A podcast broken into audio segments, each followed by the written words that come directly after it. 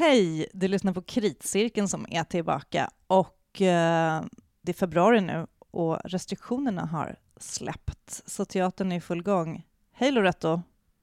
Tjena! Tja! Hur har du firat?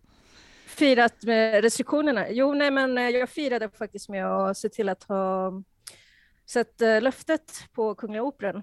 Det var det första jag såg till att boka när restriktionerna släpptes. Mm, för det har kommit fler biljetter till allting nu. Ja, men exakt. Mm. Jag var samma dag, eh, den 9 februari, var jag på premiär på Dramaten på Gunilla Heilborns eh, eh, föreställning som utgår från Anna Karenina, men som heter 37 timmar och 3 minuter och inte är en iscensättning av Anna Karenina. Den ska vi prata mm. lite mer om sen. Mm. Men vad har hänt sen sist? Du, har precis, du nämnde precis det, du har sett eh, två av dina föreställningar som du faktiskt sa, sa i förra avsnittet att du såg fram emot. Löftet är den ena och Stortorget. Ja, precis. Uh, kan ju börja med Stortorget eftersom jag ju faktiskt också skrev om den.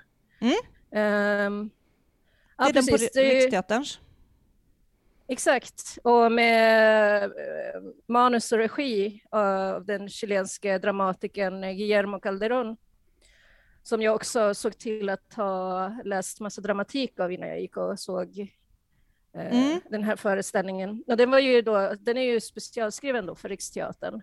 Mm. Och han är ju liksom, han är ju huvudsakligen verksam i Chile, men hans eh, pjäser har satts upp lite grann, lite här och var, internationellt och så. Men jag tror inte liksom att det finns så mycket som är översatt av honom. Så det var väl egentligen min, det var det, kanske det som var min stora behållning, att kanske med det här så skapas det nu mer bred mer smak för att faktiskt få hans dramatik översatt. Vad, vad skriver han för typ av pjäser? Alltså det är väldigt liksom eh, väldigt förankrad i, i politiska diskussioner och såklart väldigt mycket handlar om eh, minnet, minnet då, då av den chilenska diktaturen.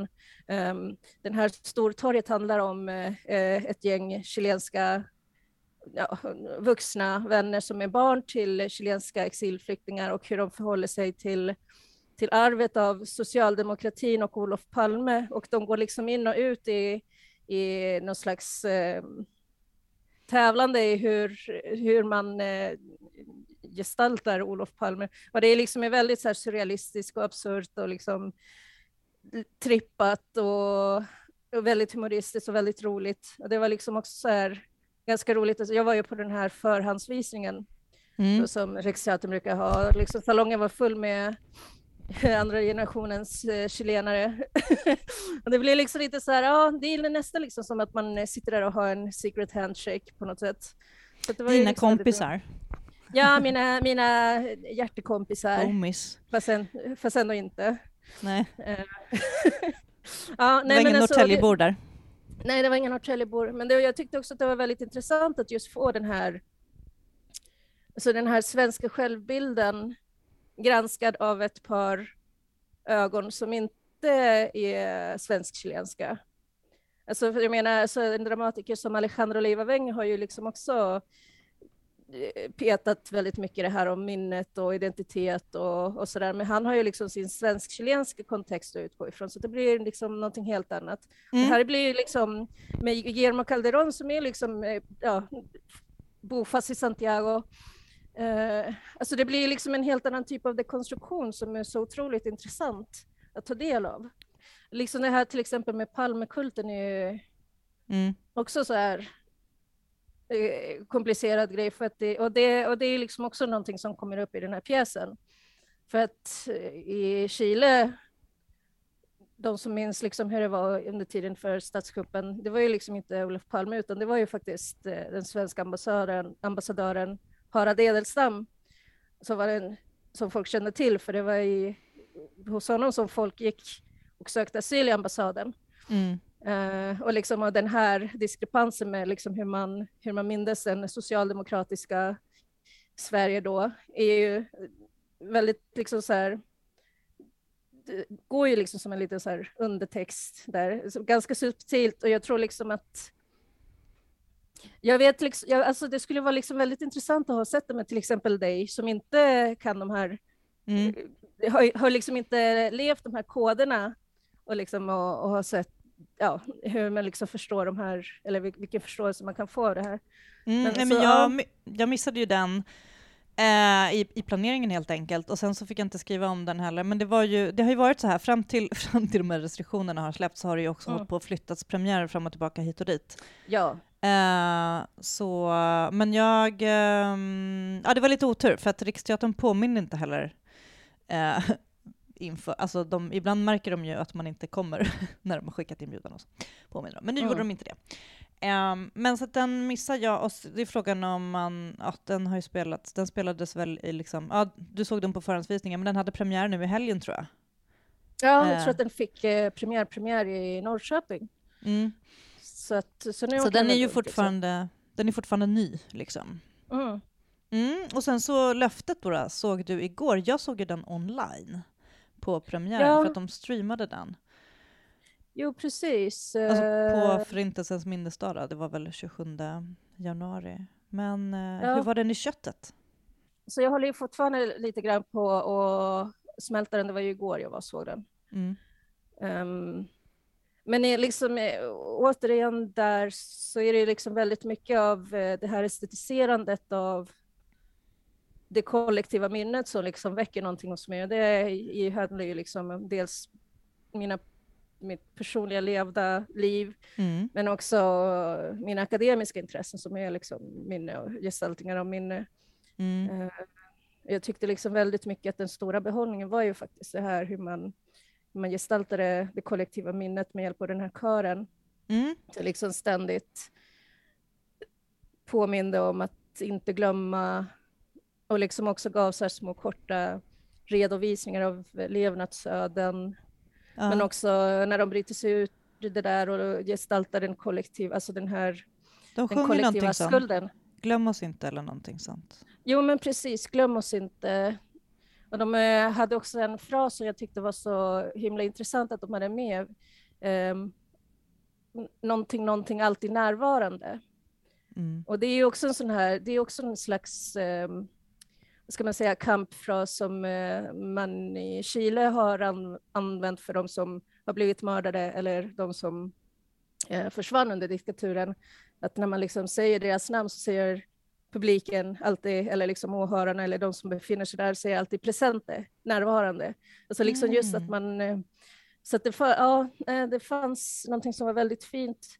Jag tyckte också att de här videoprojektionerna var, var väldigt fina. Jag tyckte däremot att eh, scenografin var lite så här, Alltså jag tyckte det var någonting så otroligt statiskt med de här platåerna som åkte upp och ner och det liksom var egentligen ingenting som hände mer än att de bara åkte ner på någon slags kommando. Alltså, Mm. jag vet det, inte. det var väldigt svårt, lite svårt att liksom uppfatta hur, hur det var tänkt i rummet när jag såg den online. Eh, och Ja, nej, Även videoprojektionerna var ju, alltså de går ju som en remsa liksom, över, som böjd över scenen, lite som en vad ska man säga, gammaldags böjd filmduk eller vad man ska säga. Mm. I, eh, eh, det, det, som var, det som var häftigt lite grann då, det var ju att kören kom, alltså att de liksom försvann bak i mörkret och, och liksom trädde fram. Och det, det kunde funka fint, Mm. men det var ja, men ljuset och videoprojektionerna, alltså att filma på, på video är ju ofta lite svårt och dessutom då när det var en, en streaming, eh, Mm. det blir lite begränsad ändå bildkvalitet. Eh, Mm. Det tyckte jag var, var lite konstigt och ljuset funkade väldigt konstigt. Det, det var liksom svårt att fatta om det var, ibland om det var pixlar eller om det var skuggor sådär. Ja. Ehm, så att jag tänkte att det var säkert mycket, mycket bbättre live. Ehm, Ja, nej, men jag tänkte faktiskt på det. Det hade liksom, eh, för ljussättare var ju Torben Landorf. Landorf. mm. Eh, eh, och jag blev faktiskt förvånad över att det var så himla endimensionell ljussättning. Alltså det var Mm. liksom ingenting som hände. Ja, det var liksom kanske lite mer, mer i andra akten som man gjorde den här underbelysningen av det här gallret och Mm. liksom eh, gjorde som, eh, så att det såg ut som eh, att man åkte över tågräls. Mm. Men Ja, alltså, det var liksom kanske det enda, alltså det kanske var liksom det enda så här knep ljussättningen som man gjorde. Allt annat var ju liksom bara så här. Mm. Jo, det, jag Ja. tänkte på så här, för att det där, det där med gallret och liksom ljussättning underifrån, jag minns det så himla, det är ju en sak som jag minns väldigt, väldigt, väldigt mycket från äh, Galeasens Hamlet, för där var ju hela Mm. golvet sånt där galler. Alltså det där typ Mm. av liksom byggställnings, liksom, ja det där brunnsaktiga liksom. Mm. Eh, och då var det ju mycket mera luft under. Eh, så det blev en väldigt häftig liksom, rymdkänsla. Och den, det såg lite ut som att det var någonting som man hade försökt med eh, i löftet. Eh, och det är Mm. möjligt att det, ja, det hade... Ja, helt enkelt, det beror på hur scener ser ut och hur man sitter och sådär. Eh, hur salonger ser ut. Eh, för det är ju en prosceniescen på Operan. Ehm, så. Ehm, mm, och musiken då? Jag menar, för det här ska jag eh, erkänna nu, att jag såg ju den som sagt, men det var ingenting som riktigt så här fastnade mer än stämningar. Ehm, så kan det ju vara ibland Ja. med nyskriven opera, men eh, ja. Ja, nej, men alltså för mig så var det ju liksom eh, både i texten och i, i musiken så var det ju faktiskt kör, körerna som fastnade Mm. mest. Ehm, ja men jag tyckte de här två Och- tjejerna var fina, alltså huvudpersonen och den andra flickan. Åh gud, nu kommer jag inte ihåg vad de heter. Mm. Ava som sjöngs av Hanna Husar och Rosa som sjöngs av eh, Agnes Sauer. Mm. Just det. Um, kan jag liksom säga så här, ja det här blir ju eh, självklart eh, stor genombrottsroll för Hanna Husar. Mm. Ehm, så jag tyck, kan jag också tycka liksom så här att hon eh, har mycket att mogna också. Jag vet eh, röstmässigt och det kan hon ju liksom få ha. Alltså, det blir Mm. liksom så himla lätt att man alltså att är så här presscitat att folk tappar kallingarna över över någon solist, över någon ung sopran. Jag vet Det är bara inte. operakritik man håller på sådär. Jo, jag vet. Och jag blir så här, ja, ja nej men chilla liksom. Alltså Ja. hon, eh, ja, stor genombrott för henne, men eh, vad fan, lugna ner. Ja.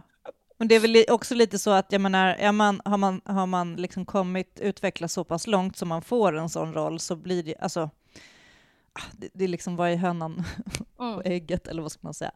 mm. Man får inte en sån stor roll eh, om ingen redan har bedömt ens röst som att den är Ja. där. Så kanske man kan säga.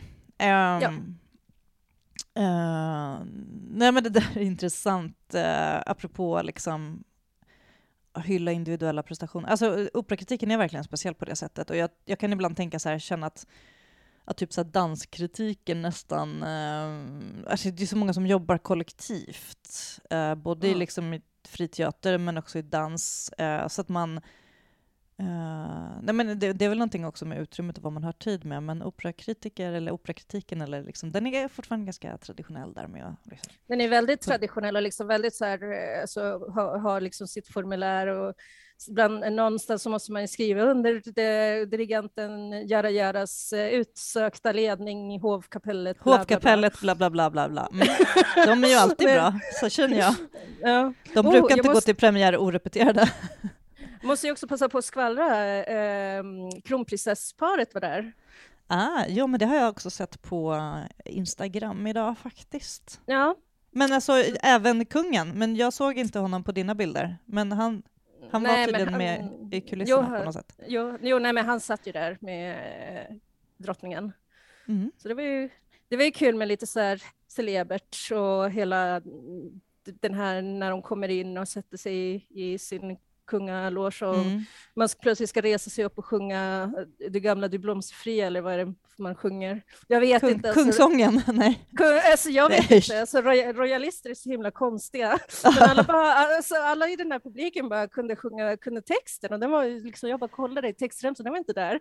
Ja, ja. Ah. Och gud, allsång på operan. Gud. ja gud. Ja, nej men det var... Nej, men det, är ju, ja, men det är faktiskt någonting att, skriva hem om, för jag tror att jag har varit på operan, äh, men alltså kanske en gång, när Mm. kungaparet har varit där, eller kungafamiljen. Alltså Mm. jag, någon gång på Dramaten. Det- Och, och Mm. det händer ju otroligt sällan, fast de har ju, de har ju stående, liksom, har ju varsin, de har ju en loge på vardera scenen. Ja, men jag har för Eh. mig att kronprinsessan var på uh, Kulturhuset Stadsteatern veckan också. Jag tror att hon verkligen liksom har gjort sak för, för det som hon har pratat om, eh, om scenkonsten och att den är viktig att värna om. Och det är ju Mm. faktiskt, det är ju faktiskt jättebra. Så, Det är, det är också svårt att säga att en nyskriven opera om förintelsen inte är viktig också. Så här. Den är ju riktigt Mm. viktig redan på pappret. Eh, ja, men visst. Bra och viktig. Jag har ju för övrigt sett en föreställning eh, om förintelsen på, på tribunalen. Just det. En, ett ett sånt här vittnesmål. Eh, eh, överlevare. Um, den har jag recenserat. Jag vill bara säga det. Jag tyckte att den var fin. Den, den spelas för barn och ungdomar. Eh, Inte ett ljud. Eh, Nina Tersmans text. Ehm, och ja, men den var fin. Jag vet inte om den går fortfarande, men den spelas för, för skolor eh, Mm. och för vuxna. Ehm, Mm. mm. Så, så om det temat. Ja. Som Vad mer har du gjort? Eh, vad mer har jag gjort? Um, Mm. Alltså jag tänka på så det som vi pratade om att vi skulle se fram emot sist. Vi såg ju lite fram emot eh, Macbeth av um, Jens Olin och Hannes Meidal, men den har ju då premiär första helgen av skäl som vi alla vet så har det flyttats Mm. runt. Så den vet vi inget om, men den ser jag i helgen. Ja. Ja, men någonting man kan undra är ju eh, vilken låt om tystnad som de kommer att välja till den här uppsättningen. Ja, ja, men precis. För först var det ju Simon and Garfunkel. Ja, Hello Darkness. Darkness, my old friend. Och sen så var det Depeche i Faust. Enjoy, Enjoy the, the silence. silence. Ja. Så Macbeth, vad kan det Eh. bli då? Någonting om hålla käften. Dricka sprit Ja. och hålla käften. Med lyckliga kompisarna. Nej men uh, Silence is golden. Ja, alltså gud, jag kan inga, jag kan inga låtar om tystnad förutom Einstürzen och Neubautens Silence is sexy. Och, Ja, kan det bli den tror du? eh, alltså det är ju knappt någon melodi, alltså det är ju knappt någon sång, utan det är ju typ att Blixten står och röker en cigarett. och så, så säger han Silence is sexy. Alltså, jag hoppas att det blir den.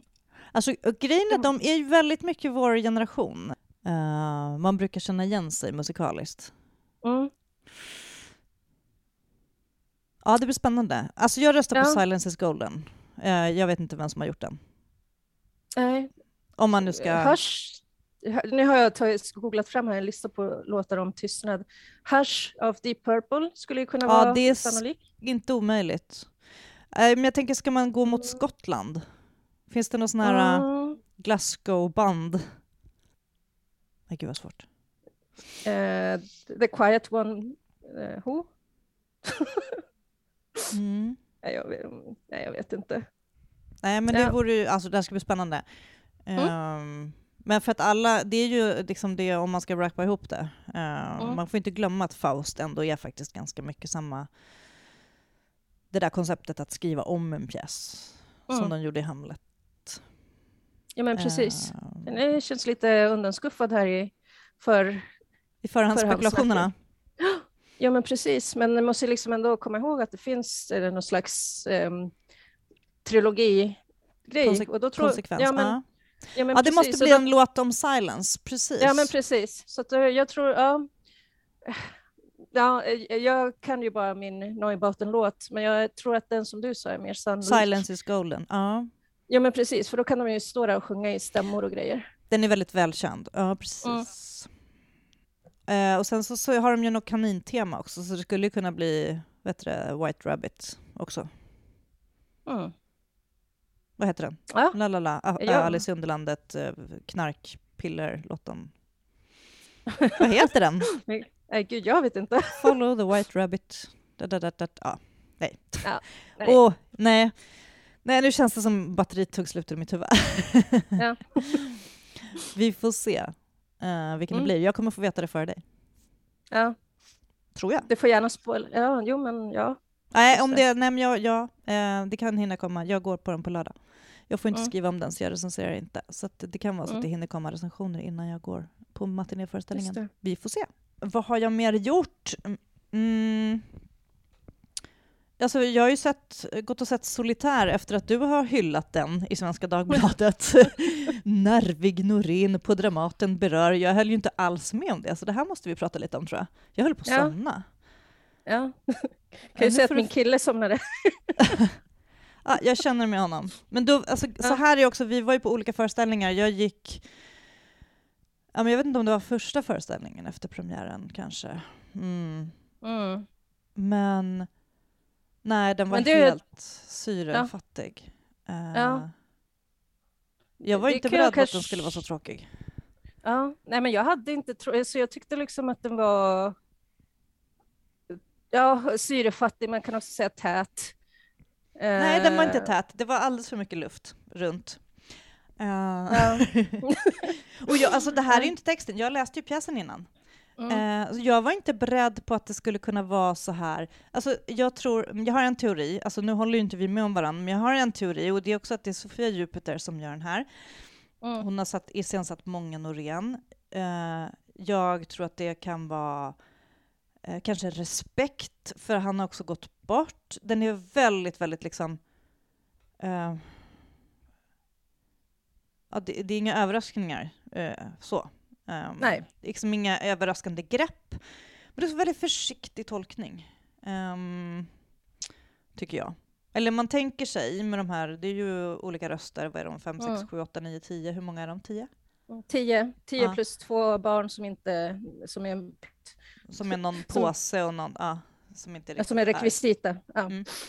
Ehm, och eh, nej men att de, det är någon typ av röster som är liksom en liten, som en liten kör kan man tänka sig. Men jag tyckte att de var inte Nej, men jag, jag hade föreställt mig att man kanske kunde, att det hade kunnat bli någonting mycket mer musikaliskt än vad jag tyckte att det lät som. Eh, och jag hade Mm. pro- problem med att de försökte spela realistiskt i det här, eh, liksom i den här situationen. För att jag tyckte att det här var en typ av pjäs som eh, inte egentligen eh, så Norén-typisk.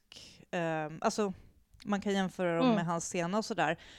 Men i och med att det var, liksom, alltså det var nästan som ett körstycke så tyckte jag att det var lite märkligt då som de spelade den. Att det på något sätt var ett försök att vända sig mot varandra. De står ju på ett väldigt litet utrymme. Jag tolkade den som att de var på kanske en så här flotten på över floden Styx. Alltså Mm. så här, de var i något mellanrum mellan, mellan liv och död. Så tolkar jag Ja, det. eller Att det är ett, ja. gäng personer som har, de har dött, men de har inte riktigt förstått att de har dött än, utan de försöker Mm. liksom prata sig igenom vad är det för situation, varför är vi inlåsta, kommer någon öppna, var är vi någonstans?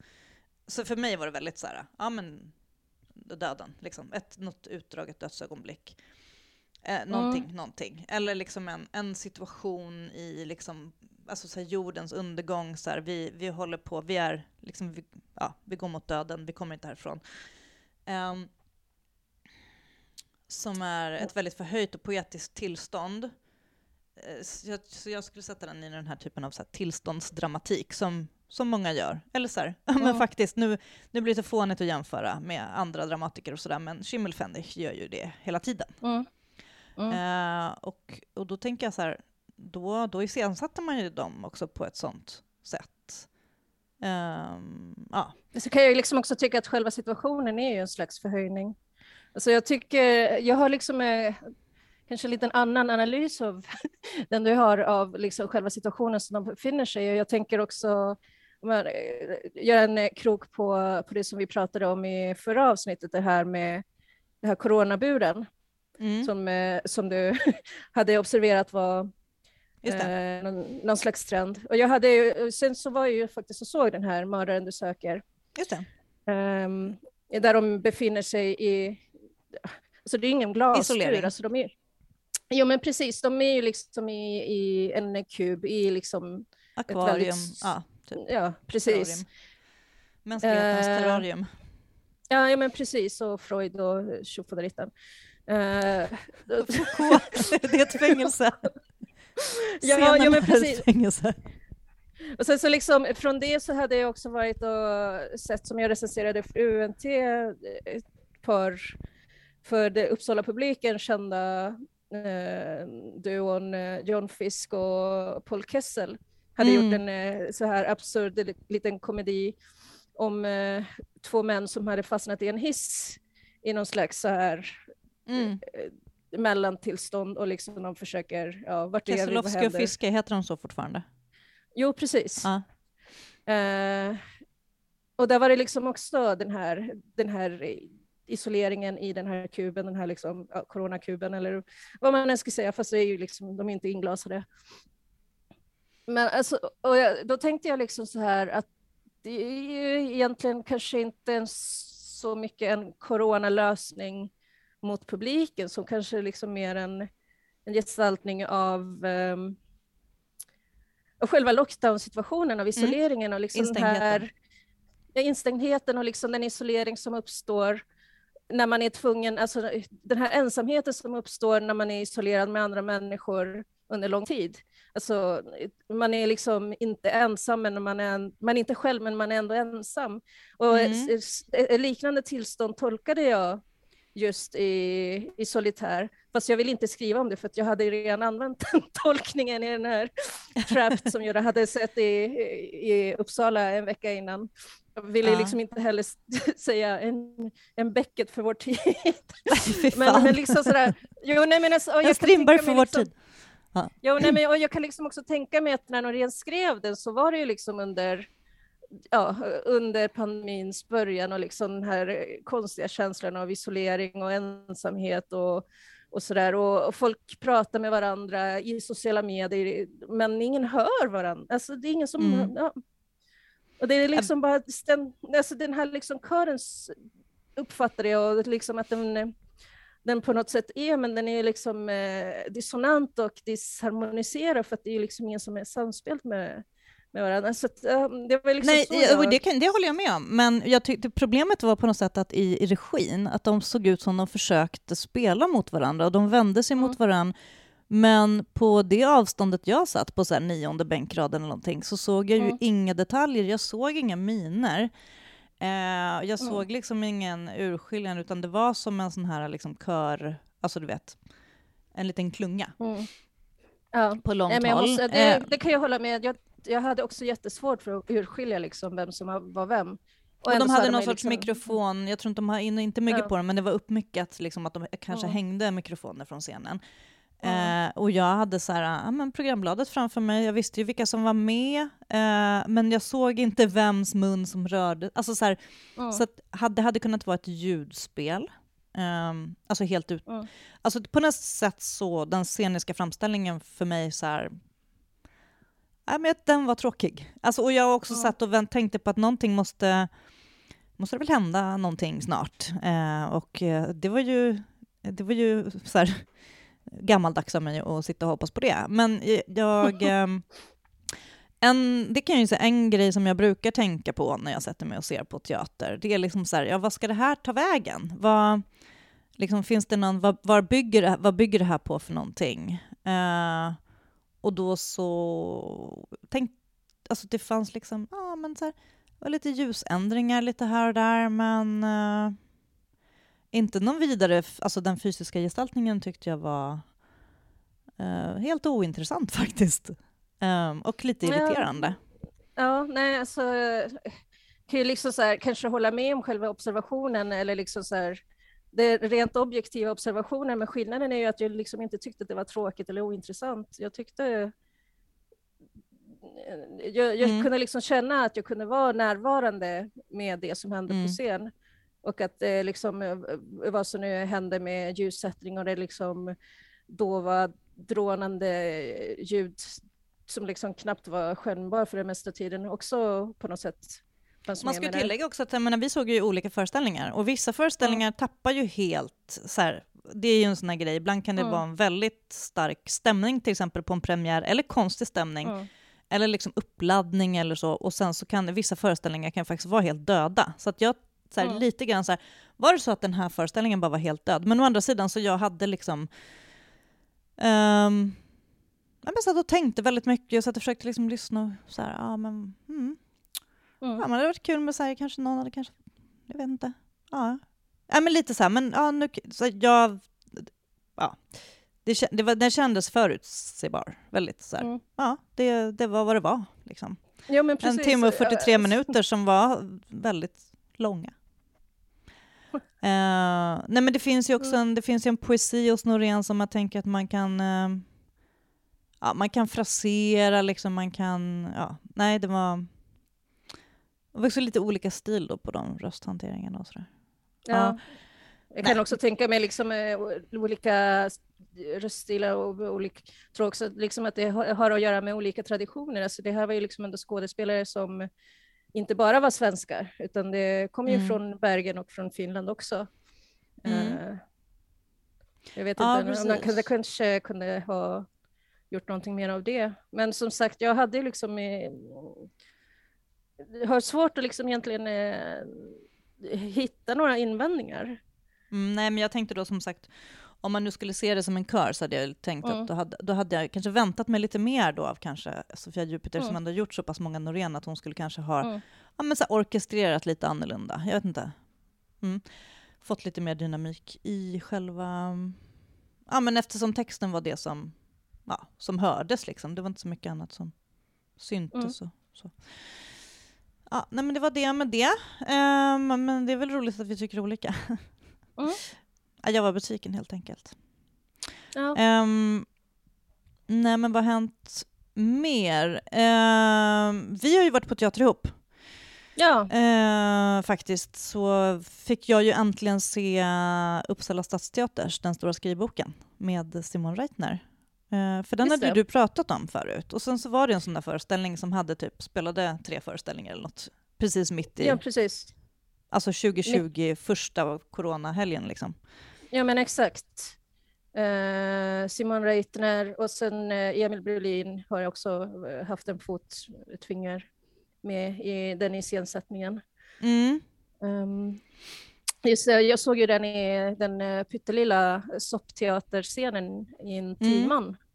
Ja, nu så, såg vi den på då, lilla, den vanliga lilla. På lilla scenen. Lilla Precis. blackboxen. Uh, jo, och du såg ju den med mig igen. Så vi har varit på ja. Så, så jag tyckte att det var lite intressant, så vad var skillnaden då för dig? För att, um, det, fin det, finns en hel del att säga om den här.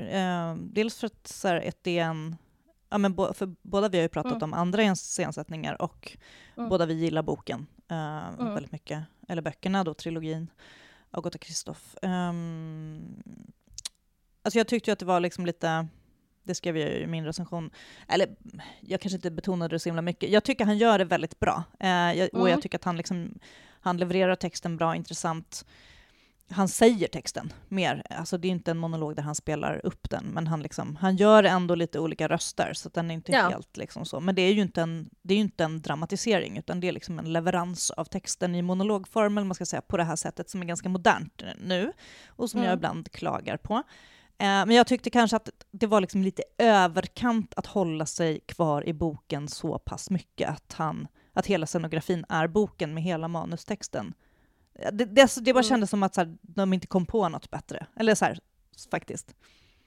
Ja, nej men alltså jag tror att det kanske nog förmodligen är en effekt av att den ursprungligen var för den här pyttelilla scenen där, eh, alltså, nu spekulerar jag, jag har ju liksom mm. ingen aning, men där de har egentligen getts eh, frihet att liksom bara komma och pitcha in idéer för teaterchefen och liksom fått en liten budget och sen så har de bara gjort det.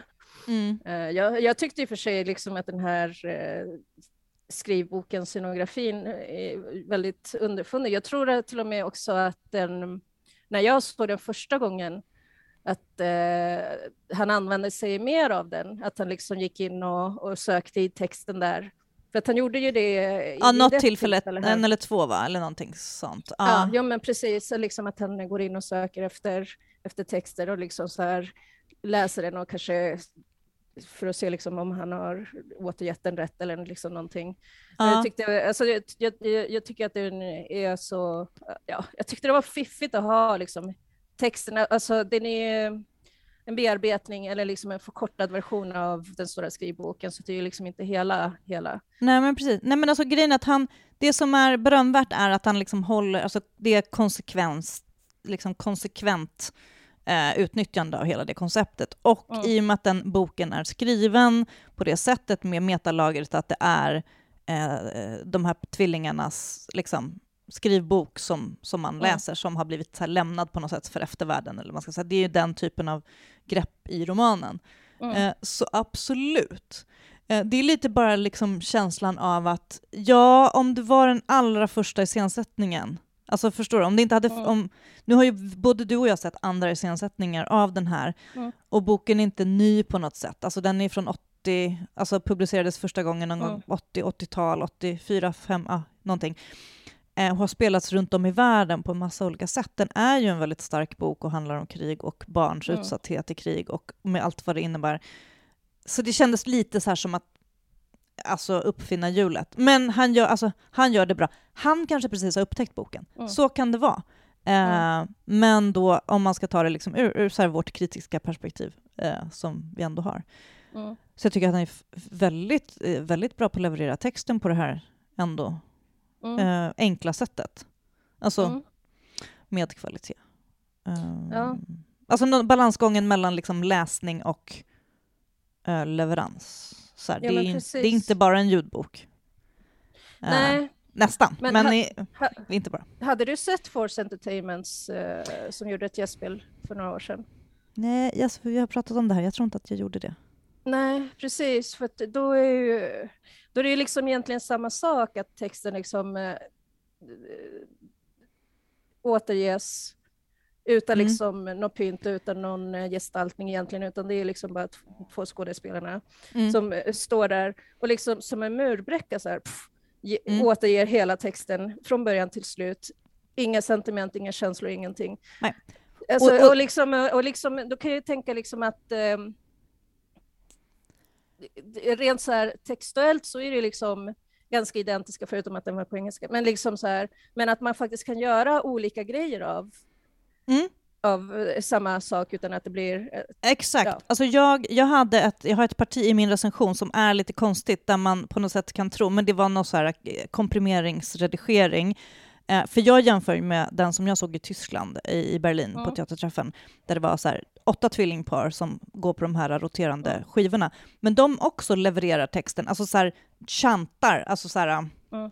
som, som liksom, ja men eh, de, det blir lite mer aggressivt på tyska också på något sätt. Eh, men eh, som ett körstycke. Eh. Och de gör inte heller några roller. Alltså då är Simon Reitner gör ju lite mer, han gör ändå mormor, alltså så här, Mm. han, han så här, tunar lite grann. Eh, men Mm. de bara säger den. Liksom. Och Mm. jag ville jämföra med den, att det var den typen av eh, det var det, det, den typen av förhållningssätt som jag jämförde med då, med den tyska eh, och den här. Fast de ju, i, i liksom, den var ju mycket mer storskalig. Så att, Mm. alltså, om man vet, så här, någon har sett båda de här och måste bara, men Cecilia vad är det här för himla jämförelse? De var ju inte alls lika, alltså för att de Mm. var helt så olika mm. ehm, skala, skala på dem. Eh, men det var Absolut. egentligen var det det jag menade, att de, de ger röst åt de utsatta barnen på ett så här, eh, ja, liknande sätt. Eh, genom att också bara Nej men alltså säga texten, fast det blir ändå en gestaltning. Mm. Så. Mm. Men de spelar inte texten. Det var ju det vad egentligen var for efter. Men, ja, men du vet hur det är ibland. När man skriver så håller man på så flyttar om och sen man vet vad man menar och så tänker man att det är väl någon redaktör som ändrar det där om det är otydligt och sen så går det fort och så är det ingen som ifrågasätter det. Ehm, ja, så. Ja, nej, men jag har ju å andra sidan min första skrivboken som jag såg, det var ju en ungersk version. Och, då hade jag liksom, och det var på ungerska och hade inga, ingen översättning, inga eh, subtitles någonstans. Mm. Ehm, och då var det ju liksom eh, riktigt ensemblespel med liksom de olika Mm. rollerna. Fast väldigt, väldigt liksom så här fysisk och förhöjd och all scenografi och all rekvisita bestod av grönsaker. Ah. Så jag blev, alltså jag blev liksom helt så här fängslad och, och då, hade jag, då visste jag inte vad det var. Och sen så var det ett par ungerska tjejer som berättade, ja, ja men det är göra, göra, göra. Och sen så samma kväll så gick jag och beställde eh, boken i engelsk översättning Mm. på Amazon, för den fanns ju inte på svenska då. Nej, den kom ju Ehm. på svenska bara 2018, 2017, 2018. Ja men Först- exakt. tror jag. Första, först, tror Nej, eller kanske fanns någon annan översättning. Jag tror att det har funnits en annan översättning. Ja, men den har inte gått att få tag i, för den, Nej, den har utgått liksom. Mm. Ja, ja, men exakt. Så alltså det är ju liksom en otroligt fängslande historia, så att, jag tänker liksom, gör vad ni vill med den. Ja, nej men jag ty- tycker Faktiskt. också att det, det, går att göra, det går att göra olika saker med den. Men det är ju också Mm. lite kul som du säger att det var ungersk, alltså det finns ju någonting med Mm. liksom östeuropeisk teater där man faktiskt fortfarande spelar upp, alltså där man verkligen gör den här typen av eh, riktig teaterdramatisering. Mm. Det var, ja, ehm, ja, det var bara en reflektion. Eh, det liksom har blivit så ute på något sätt i Sverige. Eh, Mm. att, att på något, jag vet inte om, jag, eller, jag ska inte säga att det är ute, men jag tror att det, ibland att det är så någon sorts besparingsiver också. Att inte, Ja. Man vill inte ha 18 pers på scenen, utan det är antingen så får tre personer dubblera i alla roller och så får man leka att oj vad tokigt, vi, vi måste byta hattar hela tiden för att, ja, Mm. för att teatern har inte råd att anställa så här många som står i kostym och mask och väntar Ja. i kulissen och inte jobbar. Eh, alltså det är ju någonting med alltså hela New Public Management-idén om, om Mm. konsten tror jag faktiskt som har påverkat, och det, det tror jag också faktiskt har påverkat de här äh, andra typerna. För att nu tycker jag så här, det som jag ofta klagar på när det gäller bokbildteater är ju just att det så här, någonstans görs bara, att det blir typ en himla uppläsning nästan. Och så sätter Mm. man lite scenografi. Mm. Eh, och lite så här, ja men typ, ja men alltså P.O. Enquist där i eh, Just det. Skellefteå var ju så här, lite så faktiskt. Ehm, och, och liksom faktiskt till och med lite för, att man hade mjäkat till den. Eh, Men det var väl så du tyckte att den här Anna Karenina inte blev? Kan inte du Ja, berätta mer ja, om precis. Och det var liksom hela den bågen fram till det. Alltså det som är så Mm. roligt då med eh, jag, har- jag, jag, jag har skrivit om det här alldeles, eh, min, liksom, jag återkommer till det här himla, eh, hur trött jag är på att det blir för många bokbildteater och nu bara kom det ett pressmeddelande typ igår bara, ja, välkommen till premiären på Kulla-Gulla på Kulturhuset. Man bara, nej, jag vill inte, jag vägrar. Eh, de håller ju på så hela tiden, liksom, och Ferrante, och de har gjort... Ja. Men, nej, men, alltså, eh, men, men jag, jag, känner så här, jag kände mig sedd av Gunilla Hellborn eh, i min, att jag har kritiserat det här. Sen kanske det är så att det finns flera som har någonting emot det, men hon har ju då gjort hon har bara tagit avstamp i den här boken, eller typ i att hennes bokcirkel skulle läsa Anna Karenina och, så, och, de, mm, och sen så gör hon absolut, absolut inte, hon, det, det, är aldrig, det står ingenstans att det är en iscensättning av Anna Karenina, så Mm. man behöver inte bli besviken om man kommer dit och så bara, men det här är ju inte Anna Karenina, utan det står verkligen, den heter inte Anna Karenina, den heter 37 timmar och 3 minuter för att hon har räknat ut att det tar så lång tid att läsa Anna Karenina om man läser i en viss hastighet som hon har ja, Mm. räknat ut. Och sen pratar de om saker, alltså det är associativa samtal med lite dans och väldigt roligt om, ja men som bara tar en utgångspunkt i det. Mm. Sen har hon gjort en massa andra föreställningar. Hon är ju väldigt förtjust i Ryssland till exempel. Mm. Ehm, för så här, typ, jag tror att det var 2009 så gjorde hon en föreställning som hette Femårsplanen, som var en väldigt dansad föreställning, men mycket prat också. Mm. Där hon hade tagit liksom, ja men fått idén, bara, men vad, tänk om man skulle göra en så här äh, kommunistisk femårsplan av sitt liv, hur skulle det fungera? Eh, Gud, och så, så pratade de, alltså, det var en väldigt rolig föreställning och då var Ja. Kristina Viola var med, som är med i den här också Mm. vill jag minnas. Um, jag med, hon har varit med i flera av hennes föreställningar. Eh, för, för några år sedan gjorde hon också en uppföljare till filmen Gorky Park, som hon kallade för Gorky Park 2. Eh, som inte alls, alltså så här, ja hon har sett Gorky Park, den gamla liksom, ryska Mm. spionthrillern. Hon har varit i Gorky Park, liksom i den riktiga parken i Moskva ligger den väl, och gjort en massa studiebesök och sånt. Och sen så gör hon en föreställning som faktiskt inte alls det är inte en, det är inte en uppföljare, men det är hennes uppföljare. Det är hennes Mm. liksom fortsättning. Och det här är liksom lite grann så här, Gunilla Heilborgs och hennes ensembles samtal som de har haft associativt runt Anna Karenina. Och det är ju Mm. ja, det är sex sko- eh, aktörer eller som med på scenen, fast fyra stycken är det som är, liksom, som är stjärnorna, eh, eller så, så, Mm. som är med hela tiden. Och det är då bland annat då Kristina Viola som jag har nämnt, och hon är skitrolig. Alltså det här, de är ju, alla de här är ju då dansare och aktörer på det här liksom performance-spektrat som Mm. vi brukar prata om. Eh, sen är det Ludvig då, som, Mm. som vi har sett eh, förut i, i advents performance-sammanhang Mm. och som jag dansade, fick dansa långdans med på Norrlandsoperan när jag var Ja. uppe och såg julen. Eh, Just det. Tove Berglunds och Ludvig Dås fantastiska julperformance. Ja, som jag... Mm. Den fick jag ju skriva om. Ehm, Ja, den glömde jag vad roligt. Mm, den var rolig. Ja. Men den såg jag ju före jul då. då. Ehm, Mm. eh, och fick kostym och allt som var... Ja, men det var ju... Han var med Mm. på scenen i alla fall, eh, hos Gunilla Heilborn. Och så, är det, och så var det Lisen Rosell och Amanda Apatre som Just. i sin tur gjorde ju en Jane Austen-tolkning i en liten... I det här Mm. akvariet-formen som vi pratade om förra avsnittet. Ehm, de gjorde ju Stolthet och fördom på Turteatern eh, men under pandemin för åtta personer. Så de har i sin tur också gjort ett sånt här typ av förhållningssätt, alltså så verkligen dokumenterat. Plus att de har gjort Grottbjörnens folk på ett ganska vilt Mm. sätt och de har gjort Harlequin-romanerna Mm. Ja, eh, och sådär. Så de på något sätt var ju väldigt meriterade för den här föreställningen. Ja, ja, men jag kan Ehm. tänka mig att det måste ha varit väldigt roligt att liksom, eh, haft dem där om man liksom vet deras kontext eller liksom deras Ja. bakgrund. Och så. Ja, men och det är ju så att de pratar väl också lite, alltså delvis, det här är ju en typ av, av, av eh, aktörer som, som har gjort så himla mycket olika typer av performance, så att de har ju ett, de har liksom en, vad ska man säga, så här, aktörhistorik Mm. Eh, men, de, men, vi, men de blandar in liksom, ja, men någon har, ja, men jag läste den, Anna Karenina för så och så länge och sen så tänkte jag på det här och sen så, ja, så säger någon bara, men jag läste en annan bok och så börjar de prata om det. Liksom. Så det, Mm. ja, men det är väldigt associativt. Eh, och jag tyckte att det var väldigt roligt. Och sen så tyckte jag, så, så, så blir jag så här, jag tycker att det är så otroligt roligt att hon, Gunilla Heilborn är ju en sån räv, eh, konstnär. Eh, hon ser ju till att hon kan liksom finansiera såna här typer av projekt. Och så Mm. någonstans så vet man att någon har ju nappat på att hon ska få göra det här. Och de bokar in henne för att det är så, ah, men någonting, någonting, Anna Karenina, ah, men det kan vi sälja biljetter till. För det låter ju Mm. bra. Eh, Anna Karenina, det känner ah, Tolstoj, känner ju folk igen. Det blir bra. Det blir Ja. säkert bra. Och sen så gör hon det här och det är ju så himla... Ah, jag tycker att det är underbart.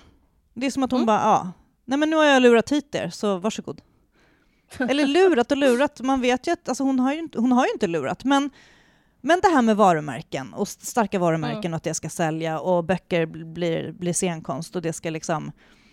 Man kan också göra så här. Man kan dra Mm. lite, man kan rida lite på Tolstojs kändisskap. Och sen pratar de ju om, i föreställningen och gestaltar, alltså de... Ja men den är intelligent. Den är jävligt Mm. intelligent, vi hade jätteroligt. Och hela liksom på något sätt, så här, för det är ju en sån där föreställning som ju mer man tänker på den så, så bara men, ja, men, men den där berättartekniken han har, den är ju spretig och drar ut i olika historier, precis som den här föreställningen gör.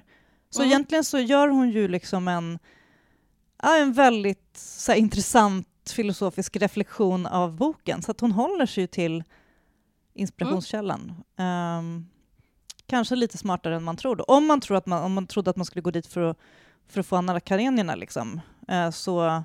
Ja, men de, de, så här som man gör. Alltså försvar, hon försvarar ju även det. För de säger ju på Mm. scenen så här, ja, men vad- handlingen, vill ni ha handlingen? Men den kan ni ju googla. Om ni Ja, inte har läst exakt. boken så kan ni ju googla handlingen, för det, det går inte. Ska vi stå här och prata? Alltså det tar 37 timmar och tre minuter att läsa boken, så gör det. Vi gjorde, Mm. vi gjorde det här, typ. Ja, ja Så men att det- precis. Googla eller eh, se tv-serien på Netflix. Det finns säkert Ja, men du vet, så här, det är ju som, som i, i din akademiska värld. Liksom. Man, kan, man kommer undan med allting om man har liksom, byggt in sitt försvar. Det är så här, jag har Ja, gjort den här avgränsningen, den är supertydlig. Du Mm. kan inte liksom, kritisera mig för att inte ha med det här, för jag har redan sagt att det här var inte det jag Mm. skulle göra. Ja, men så det var roligt. Ehm, och ja, jag måste säga en sak, det som faktiskt var, jag fick inte plats med allting som, jag, som man vill skriva i en recension. Eh, Men Ludvig då är ju jätterolig. Han, han spelar ju rollen av den här liksom förståsigpåaren. Så då drar han till och så pratar han lite på engelska. Så här, mm, så här, I tend to return to Tolstoy from time to time. Alltså så här, på det där sättet som bara, bara liksom de där, ja men du vet, när man, alltså så här, den där, inte, vad ska man säga, den liksom bildade mansplainer liksom stilen.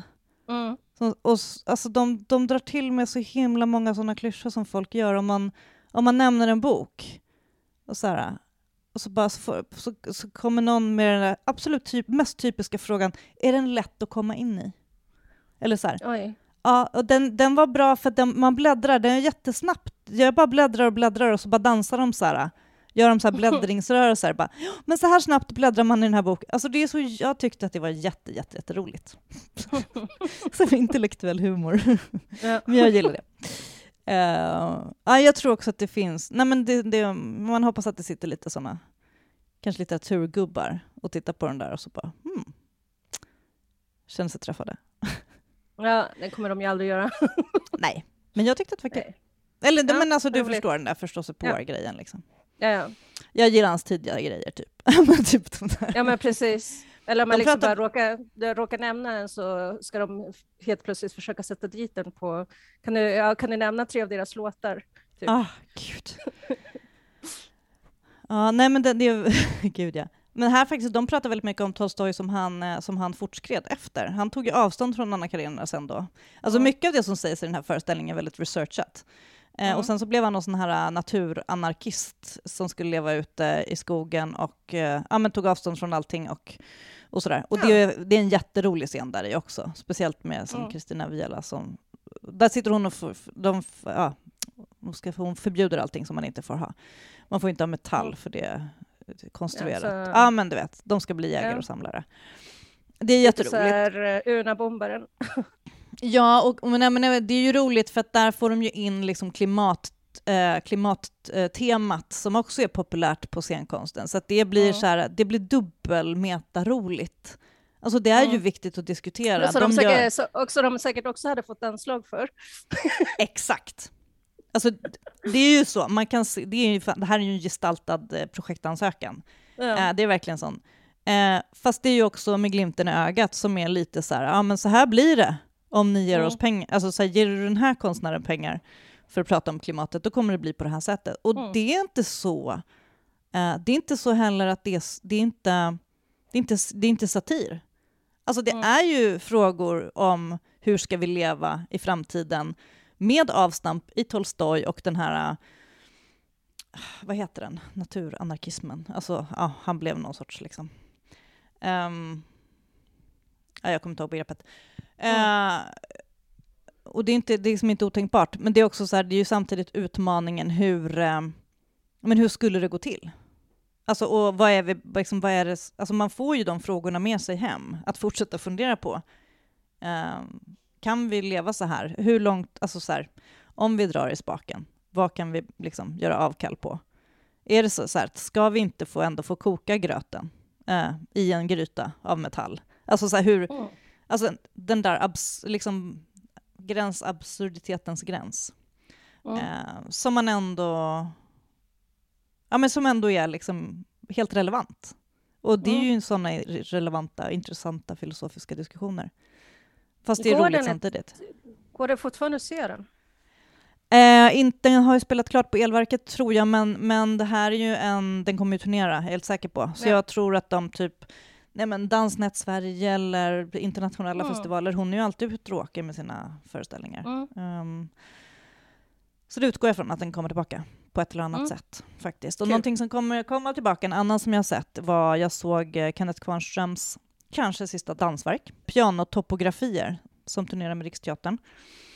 Uh, jättefin föreställning, tycker jag. Ehm, han har sagt att han kanske ska sluta göra danskonst, och det är faktiskt av, har jag förstått det som, eh, kulturpolitiska skäl. För att det är, alltså, han, han har sagt det rakt ut, att det är besvärligt med, med, med hela det här systemet. Att vara en fristående konstnär och hålla på med de här eh, projektansökningarna och liksom eh, motivera sin existens och inte kunna få liksom långsiktiga, kunna planera långsiktigt. Och Mm. det har väl den här pandemin kanske varit, eh, det har varit extra tydligt, Mm. tydlig effekt av pandemin. För han slutade ju som eh, danschef på Kulturhuset Stadsteatern, um, jag tror att det var slutet på 2017. Och sen dess har han inte gjort några föreställningar, för att det som han hade planerat blev ju inställt. Ja, men sen så har han börjat liksom, um, hålla på lite med bildkonst och sådär. Jag följer honom på Instagram, så jag ser ju hur han Ja, gör grejer. Eh, men det är väldigt omprövat eh, vad han ska syssla med och sådär. Eh, jag tycker att det vore jättetråkigt om det här var, blir hans sista dansverk som, som koreograf. Eh, Det kan också vara någonting man säger för att på något sätt hota, hota med att försvinna. Men, eh, men, eh, nej, men det finns ju, alltså det finns, jag tycker kulturpolitiken har ju mycket att fundera över vad man vill, eh, hur man ska försöka liksom få den här, där man pratar om nystart och alltihopa. när en så här mm. pass profilerad koreograf som Nej men hans lägsta nivå är ju otroligt hög. Uh, han har hållit mm. på i liksom hur många år som helst. 20, 30, I don't know. Um, vad säger men det här det funkar inte liksom. Um, han är en intressant koreograf. Och mm. sätter ihop intressanta samarbeten. Här är ju, han har ju jättefin dansensemble. Det är fyra mm. jättefina dansare. Bland annat Inksi, Ida Inksi Holmlund som är, hon är helt liksom självlysande. Mm. Så att hon... Ja, så den ska ni försöka se om den passerar er ort. Och den kommer tillbaka, den kommer till Stockholm snart, tror jag. Okej. Okay. Ja. För den de började ju, ja, jag vet inte vad turnén började, det är i samarbete med någonting, eh, Halland kanske. Uh, så den, har, den är på turné runt i Sverige nu. Jättefin. Mm. Och det är musik av Nils Fram. Tyska elektro, pianomusik. Mm. Uh. Well, det var det. Um, vad har jag sett mer? Ja, ah, men temat monologer igen då, tillbaks till... Um, eller vadå, det var ett tema som jag påstod att vi hade. jag, har sett Staffan, nej, men jag har sett Staffan Götes jättefina, jättefina monolog, De perversa. Just det. det är Joakim Sten som har skrivit en eh, monologtext efter en text av Strindberg, uh, mm. som egentligen är ett essäfragment, som inte är teatertext. Uh, men där han pratar om, ja, så här, han går, liksom i, han går i polemik med Strindberg, som Strindberg gör någon attack på, på den här personens liksom levnadssätt. Han levde då i någon sorts liksom, eh, eh, polyrelation mm. eh, med en man och en kvinna och sådär. Usch lite svårt, och, liksom lite svårt att sammanfatta sådär, men det är en fantastisk eh, rollgestaltning, eller fantastisk scenframställning som, som uh, Staffan Göte gör. Och en, annan, en helt annan typ av monolog då än den här som vi pratade om uh, som, som Simon Reutner gör. Alltså, mm. Det här är, är den liksom klassiska mer klassiska typen av monolog där han liksom gestaltar den här personen som berättar, även om liksom situationen är att vi är en publik som, som lyssnar lite på hans... Ja, men han, är, man, man hör det, men jag måste få prata om det här nu. Liksom. Mm. Jag måste få se vad jag tycker. Och att Strindberg gick till attack och Strindberg var si och så. Um, och han gör det väldigt fint. Um, Carolina Frände mm. har regisserat honom. Så det är ju ännu ett sånt där uh, Carolina Frände, Joakim Sten-projekt. Uh, ja, precis. Uh, de gjorde ju uh, Gustav Vasa med uh, Therese Brunander på Strindbergs Intima, för, ja, som var en sån riktig, annan riktig höjdare. Mm. också monolog, va? Också monolog. Mm. Mm. men liksom en, men, vad ska man säga, mer Teatral monolog. Gud, teatral är ett ord som är väldigt svårt. Jag tycker att jag förstår vad jag menar när jag säger det, men uh, det är någonting intressant med de där olika typerna av monologformerna. Med liksom riktningen och, och hur man tänker sig att publiken, vad spelar publiken för roll? Alltså sitter vi och lyssnar på någon eller är det någon som bara står och bekänner någonting? Alltså biktar om sig? Alltså, mm. Nej men det, finns, det görs ju alltid monologer, alltså vissa gör ju monologer, har man ju förstått eh, som lite grann för att de inte typ kan samarbeta med andra människor. Eller så här. Mm. Alltså det finns ju vissa typer av skådespelare som har gjort så, som är som helt, som, som bara gör monolog på monolog på monolog, eller så här ensamprojekt. Mm. Uh, och håller på så väldigt länge. Då tänker jag ofta att det är så här, de, nej men de har svårt att samarbeta. Mm. Eller typ dansare som bara gör solon är bara så här, jag vill ha allt ljus på mig. Uh, men nu kanske det finns andra skäl till det. Svårt att, ja men med de här avståndsgrejerna. Men nu slipper vi det. Men å andra sidan, Ja. vad fan, vadå? Det är ju inte viruset eh, fortsatt att snurra, så att... ehm, Ja, ja, nej men det... Ehm, nej, men jag funderar på om inte vi har en uh, monologopera på gång. Sitter jag här och googlar. Eh, Nobody Mm. av Martin Lissel. jag En missat. mono- ja, monologopera om Charles Manson.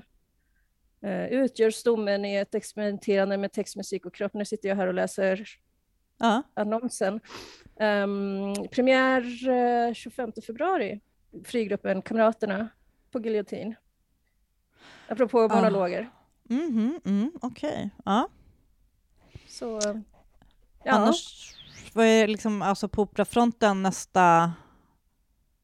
Nästa grej är väl eh, Kossi, va? På Folkoperan. just Jag det. trodde det var... Nej, det är inte dem. Nej, utan eh, det är ju samarbete med Uppsala stadsteater. Mm. Det är väl kanske det som är pandemins stora effekt, det är alla de här konstiga samarbetskonstellationerna som har uppstått. Ja. Ja, men Solitär, va? Är också samarbets... Eh, Ja, ja. var Alltså inte där är ju- Uppsala också med i den? Jo, yes, Mm. japp. But why? Eller ska den dit och spela då? Är det så? Eh, ja, den kommer hit i mars, har jag för mig. Mm. Just Och det, där, så- där, där du är. Här är här, är här, här är här. Ja, exakt. Mm. Ja, nej, jag vet inte. Jag, jag, hoppas ju, jag hoppas ju oftare att det skulle komma saker till Stockholm. Jag skulle ju vilja att uh, Marat kommer till Stockholm, Mm. som Jan Klata gör i Göteborg, premiär på fredag. Mm. Eh, Peter Weiss, eh, Ja. mordet på Marat. Eh, den, och det är särskilt jag tänkte bara, jag, sk- jag bara skulle ha åkt ner till premiären, det hade varit jättekul att se den. Har du sett Peter Brooks Marat? Nej, film, filmversionen? Ja, men gör Nej. det. Mm. Den är, ja men det är en sån här grej man får... eh, jag kommer inte ihåg om man fick se den på teatervetenskapen, eller man fick upp ögonen för den, men den är, den är på engelska då. Mm. Alltså det är typ så här Royal Shakespeare Company. Alltså också så här, för det ska bli intressant att se, för det är ju det här liksom sinnessjukhusvinkeln på den. Eh, och det var ju så himla inne ett tag, och sen så har det känts lite ofräscht. Eller vad man ska Ja. säga. Alltså det, det är någonting väldigt daterat med det. Uh, Ja. Jökboet-eran. Jo, precis. Ja, nu är det ju nu är det funkofobiskt att hålla på sådär. Ja, eller hur? Mm. Men Jan Klata skiter ju det. Han är ju helt vild. Ehm, Och jag kan tänka mig att en polsk regissör som han eh, också har så här... Jag menar, Peter Weiss är ju ändå liksom, får vi säga, är vår svenska Mm. dramatiker. Ehm, ja, nej, men det ska bli kul att se vad han gör. Det, jag bara tänker att jag, nu tänker jag att jag borde typ att jag kommer ner och åker till Göteborg. Mm. Vi kanske får ta en roadtrip helt enkelt Ja, när andan faller på. Nu får man ju Mm. åka. Mm. ja, Så här, Ja, bo på hotell och sånt utan att, jag vet inte, behöva så här, lämna blodprov innan eller något. Eller vad vet jag, det hinner ju ändra sig innan Mm. vi lägger på den här podden. Eh, ja. Ja, men det jag ska säga, det ser jag fram emot. Och sen så ser jag fram emot Macbeth i helgen. Jag ska gå på eh, leksakslådan, balletten på Operan på fredag. La Boîte Joujou. Alltså jag kallar den för typ La Bijou någonting. Eh, och sen är det snedstreck Carmen, det är två balletter efter varandra. okej. Mm. Vad ska du se? Eh, just det, jag ska ju faktiskt se en bok, blir teater i Ojej. helgen. Ojej, I taket lyser stjärnorna efter Johanna Tidell, heter hon Mm. så? så Den har- ehm, Den har gjorts eh, förut. Ja, Någonstans på Riks kanske eller något. det är Nej. möjligt. Ja, jag vet inte. Ja, nej, men, eh, jag tror att det blir lite så här eh, euphoria-blinkningar i estetiken nu, om jag inte har vantolkat pressbilderna fel. Så vi får Ah, se. okej. Det var säkert lite intressant, spännande. Ja, Det den är för barn och unga eller? Ja, precis. Den är för unga och eh, i och med alla restriktioner som har varit så har eh, inte allmänheten fått se den, eller kritiker för den delen, fått eh, se den eh, förrän nu i helgen som kommer. Okej. Så att den har spelats nu ett tag för, för kidsen. Mm. Ja. Ja, nästa vecka är det eh, eh, eh, ny Sara Stridsberg på Dramaten. Ska jag Just gå på. Eh, vad den nu heter. Jag har glömt bort vad titeln är. Eh, jag har skrivit den nya Stridsberg har skrivit upp i min kalender. Eh, och, eh, men en nyskriven pjäs. Det, är inte, eh, alltså, för det var inte så länge sedan så gjorde ju någon en eh, version av hennes Kärlekens Antarktis som jag kanske inte tyckte var så bra. Men det. eh, nu är det en nyskriven pjäs. Hon har ju skrivit lite pjäser. Och så Mm. hon också kanske typ dramatiserat sina egna. Eh, alltså Beckomberga gjordes för några år sedan. Den tyckte jag inte alls funkade. Den gillade, det Mm. fanns andra som gillade den. Vi får se vad det här blir. Eh, Mm. Melinda Kinnaman och Jakob Eklund ska spela, Okej. Ja, om jag inte är- har... Regi Rebecca Hemse. Aha. Mm. Kolla, det är mycket information som jag har, utom just titeln. Mm. Ja. Eh, och sen så ska jag se Pangs och Ankarström på Moment Just det, moment. nästa vecka. Ja. Ja, kul. Ja, med, eh, ja, om, jag vet inte. Man kan inte säga att det handlar om mordet på Gustav III. Man kan, man kan gissa att det kanske rör sig i dem, i dem, kring det temat på något sätt eh, med Ankarström. Ja. Jag älskar allt med eh, mordet på Gustav III och hela den tiden. Så, att, ehm, Ja.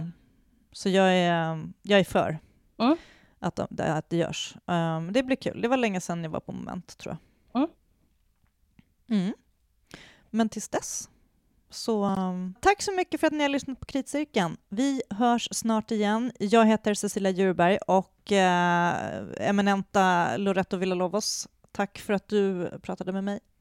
Ja, tack själv. Ehm, fler kritcirklar finns på internet. Vi hörs snart igen. Hej hej! Hej då!